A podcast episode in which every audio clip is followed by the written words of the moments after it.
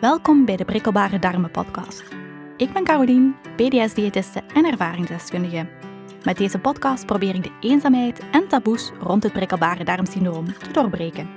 Je bent zeker niet de enige en je hoeft helemaal niet te accepteren dat je voor altijd darmklachten zal ervaren. Ik neem je mee in wat je kan doen en hoe we het leven met PDS verlichten. Welkom. Het nieuwe jaar zorgt voor heel wat goede voornemens. Het blijft helaas vaak bij voornemens in plaats van echt actie te nemen en naar een doel toe te werken. In deze aflevering help ik je van je goede voornemens realistische doelen maken. Ik deel ook drie manieren hoe je je darmgezondheid kan verbeteren, als dat geen goed voornemen is. Het begin van het jaar voelt vaak aan als een nieuw begin, een nieuwe start, ideaal om goede keuzes te maken. Die motivatie is super, maar we weten het allemaal, na enkele weken zwakt die motivatie natuurlijk af, of verdwijnt ze helemaal. Nu, hoe komt dat dan dat er eigenlijk niets van die voornemens in huis komt? Persoonlijk denk ik dat dat door twee zaken komt. Enerzijds blijft het vaak bij een voornemen. Dus je wil dat en je zou dat fijn vinden, moest dat veranderen, maar er is geen concreet doel om naartoe te werken. En anderzijds denk ik dat het vaak is dat die voornemens niet realistisch zijn en dat mensen de lat te hoog leggen en dat iedereen meteen het altijd heel heel groot ziet. De voornemens die ik het meeste hoor, is gezonder eten en meer sporten. En dat zijn beide heel goede voornemens, maar dat zegt niet zoveel over wat je exact wil bereiken. Want het is een voornemen, het is geen doel en het is zeker niet praktisch of meetbaar. Wat is dat gezonder eten dan voor jou? Wat houdt dat in? Is dat meer groente eten, minder snoepen of meer zelf koken in plaats van afvalmaaltijden? Of als je meer wil sporten, wat wil je dan doen? Hoe vaak zou je willen gaan sporten?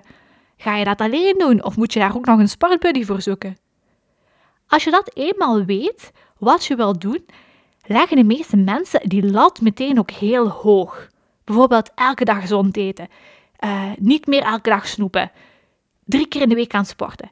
En doordat ze die lat zo hoog leggen, ja, daardoor zet je jezelf eigenlijk ook op om te falen. En dat zorgt er ook vaak voor dat mensen heel snel opgeven. Neem nu bijvoorbeeld dat sporten. Ik hoor heel vaak van cliënten dat ze heel graag drie keer in de week willen gaan sporten. Dat dat hun voornemen is voor het jaar. En meer sporten is echt een mooi doel, maar drie keer in de week sporten als je nu niks doet, is eigenlijk wel een beetje onrealistisch. Je hebt misschien het gevoel van, oké, één keer in de week sporten, dat gaat toch niet zoveel doen? Nee, dat gaat minder effect hebben dan drie keer in de week sporten. Maar als je al één keer in de week sport, is dat toch al mooi? Ik geef meestal ook als tip van kies iets realistisch en haalbaar voor jou en je planning. Daardoor ga je het veel gemakkelijker ingebouwd krijgen en heb je binnen de kortste keren een routine opgebouwd. Als je dan bijvoorbeeld niet sport en je wilt heel graag daarmee beginnen, starten met 1 à 2 keer in de week sporten. Start met 1 keer in de week. Meestal is dat heel haalbaar om dat in te plannen in je agenda om, dan, om, daar tijd voor vrij te maken. En als je dan toch tijd extra hebt of zin hebt om een extra keer te gaan, ga je rust een keer meer sporten. Het is vaak hoe je naar bepaalde dingen kijkt die ook heel veel bepalen. Want wat als je als doel drie keer per week sporten hebt gezet en dat lukt niet? De eerste week ga je drie keer, de week erop is het heel druk, ga je maar één keer, de week daarna maar twee keer, de week daarop weer maar één keer en elke keer voel je oh nee, ik heb die drie keer per week niet gehaald. En je merkt dat je dat vaker niet haalt dan wel, en dat gaat zich wreken. Dan ga je denken, oh zie je wel, dat sporten is niks voor mij. Terwijl het gewoon komt omdat je dat doel te hoog gezet hebt. Terwijl als je het zou omdraaien en even uitgaat van wat zou voor jou een succes zijn. Bijvoorbeeld, als jij het al super zou vinden om elke week één keer te sporten, dat is een heel haalbaar doel. Dat is iets waar je eigenlijk een win kan ervaren. En je gaat zien dat één keer in de week heel gemakkelijk is om te behalen en dat die extra sportsessies gewoon mooi zijn meegenomen. En dat gaat eigenlijk aanvoelen als een win. Want je gaat misschien twee keer op de maand iets hebben van, oh, ik ben twee keer kunnen gaan sporten deze week. Oh, fijn, dat is me toch gelukt. En dat voelt echt aan als een win, als een extraatje. En dat gaat motiveren. Want als je direct had opgezet van, oké, ik moet twee keer in de week sporten en je haalt dat een keer niet, of je haalt dat twee weken achter elkaar niet, dat voelt aan als falen. Maar als je het anders kijkt van wat is voor mij al een succes en alles wat extra is, is mooi meegenomen, dan ga je van dat goed gevoel kunnen gebruik maken. Dat gaat motiveren. Dus in plaats van te denken wat zou ideaal zijn, denk eens na wat zou voor jou een succes zijn. Het succes van een voornemen omzetten in een goede gewoonte zit hem ook in de gemakkelijkheid van kleine stapjes zetten die jou niet zoveel moeite kosten.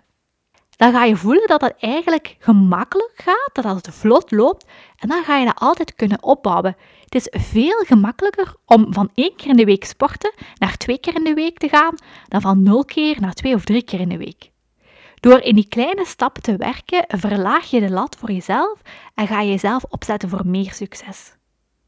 We starten onze voornemens altijd met heel veel motivatie, maar zoals ik al zei, die motivatie neemt af en verdwijnt. En dan moeten we eigenlijk terugvallen op gewoontes. Maar een gewoonte creëren duurt maar liefst drie maanden. Als je dan ergens een gewoonte van wil maken, moet je daar in het begin drie weken mee bezig zijn. Moet je daar je aandacht aan besteden. En dan pas na die drie weken begint er een routine in te geraken. En dan is het pas na drie maanden dat het echt een gewoonte is. Dus als je iets wil behalen, als je naar iets toewerkt, weet dat vraagt wel tijd vooraleer dat een gewoonte is. Het is een podcast over prikkelbare darmen, darmgezondheid. Dus in de aflevering van vandaag wil ik het ook even hebben over goede voornemens voor je darmgezondheid. En er zijn er drie die er denk ik uitspringen. En de eerste lijkt mij je voedingstriggers eindelijk eens gaan uitzoeken. Je hebt misschien al proberen die boosdoeners te achterhalen, of je hebt zelf al wat zaken uitgeprobeerd, maar je raakt niet waar je moet zijn. Of je kan je enkele weken toeleggen op het schrappen van bepaalde voedingsmiddelen, maar je houdt het niet vol. En ik begrijp dat, ik hoor dat van heel velen. Het is niet zo gemakkelijk om je vinger nu te leggen op wat er nu bij jou die darmklachten veroorzaakt. Of de ene dag geeft het voedingsmiddel geen last en de andere dag heb je er heel veel klachten van. Je hebt misschien als voornemen om dit jaar eindelijk eens uit te zoeken wat dat nu allemaal veroorzaakt, die darmklachten, en je wilt daar misschien ook wel de hulp van een diëtiste voor inschakelen. Dat uitzoeken van die voedingstriggers is een heel mooi voornemen, want door je dit jaar enkele maanden toe te leggen op die zoektocht, ga je niet enkel je triggers ontdekken, je gaat ook zoveel meer rust ervaren. En niet alleen je darmen, maar ook mentaal. Je gaat merken dat je de controle over die prikkelbare darmen terugkrijgt. Als je dit jaar je triggers wil uitzoeken, breng zelf in kaart wanneer je last hebt, zodat je daar een rode lijn in kan vinden. Dan kan je zo eens bekijken of je die boosdoeners kan ontdekken. En als je die last in kaart wil gaan brengen, hoe ga je dat bijhouden wanneer je last hebt? Ga je op het moment zelf nadenken van wat je die dag gegeten of gedronken hebt? Of ga je een eet- en klachtendagboekje bijhouden? Wanneer ga je dat dan bekijken en evalueren? Ga je dat enkel bekijken wanneer je last hebt? Of ga je dat één keer in de week bekijken en evalueren? Je hoort het al. Je voornemen is heel goed, maar je moet zeker nog nadenken over de uitwerking. Als je je triggers wil uitzoeken, je gaat dat niet achterhalen door op het moment dat je darmklachten hebt te gaan nadenken over wat je allemaal hebt gegeten. Je onthoudt niet alles wat je eet. Wat net die darmklachten veroorzaakt, zitten soms zo'n kleine dingen. En als je dan niet voor jezelf bijhoudt wat je allemaal gegeten en gedronken hebt, ga je het zeker niet kunnen achterhalen. Of als je het meteen vanaf het begin goed wil doen en de hulp van een diëtiste in te schakelen, neem dan nu al contact op met een diëtiste en leg je consultatie vast. Wacht niet op de goede moment, want laten we eerlijk zijn, er is nooit een goede moment. Er komt altijd wel iets tussen, een etentje, verjaardag, vakantie, en dat is ook niet erg. Er is geen beter moment om te starten dan nu. Dus neem actie en zet die eerste stap. Om je trouwens op weg te helpen, nodig ik je heel graag uit voor mijn gratis webinar op 16 januari. Ik geef een webinar over de fouten die je kan vermijden als je je PDS-klachten onder controle wil krijgen. Heel welkom om aan te sluiten. De link om je te registreren staat in de notities van deze aflevering. Een tweede goed voornemen kan zijn om meer plantaardig te eten. Meer plantaardig eten levert heel wat voordelen op voor je darmflora. Het brengt variatie in vezels en dat is goed voor je darmbacteriën. Meer plantaardig eten zegt ook niet zoveel, dus laten we het praktischer maken. Wat zou je willen aanpassen? Wil je meer vegetarisch eten en hoe vaak is dat dan? Is dat één keer per week of drie keer per week? Of wil je eens vaker een plantaardige spread op je boterham eten? Of wil je meer groente toevoegen aan je eetpatroon? Er zijn heel veel manieren om meer plantaardig te eten. Zie het ook niet meteen te groot. Je moet om meer plantaardig te eten ook niet meteen heel je eetpatroon omgooien. Denk eens na, wat kan je verbeteren? Bijvoorbeeld meer groente bij de warme maaltijd of een extra portie groente bij de broodmaaltijd. Bij de boterhammen mag dat als slaatje of gewoon als schijfjes tomaat of komkommer ertussen. Maar ook een tas soep is goed. Kijk wat voor jou kan en haalbaar is. Het heeft geen zin dat je jezelf verplicht een slaatje te eten als je dat totaal niet graag eet. Maar een tas soep drinken vind je misschien wel heel lekker en dat is misschien totaal geen probleem om dat toe te voegen. Of je kan eens nadenken waaraan je de plantaardige bronnen kan toevoegen. Pulvruchten zoals kikkererwten, linzen, die lenen zich super tot stoofpotjes.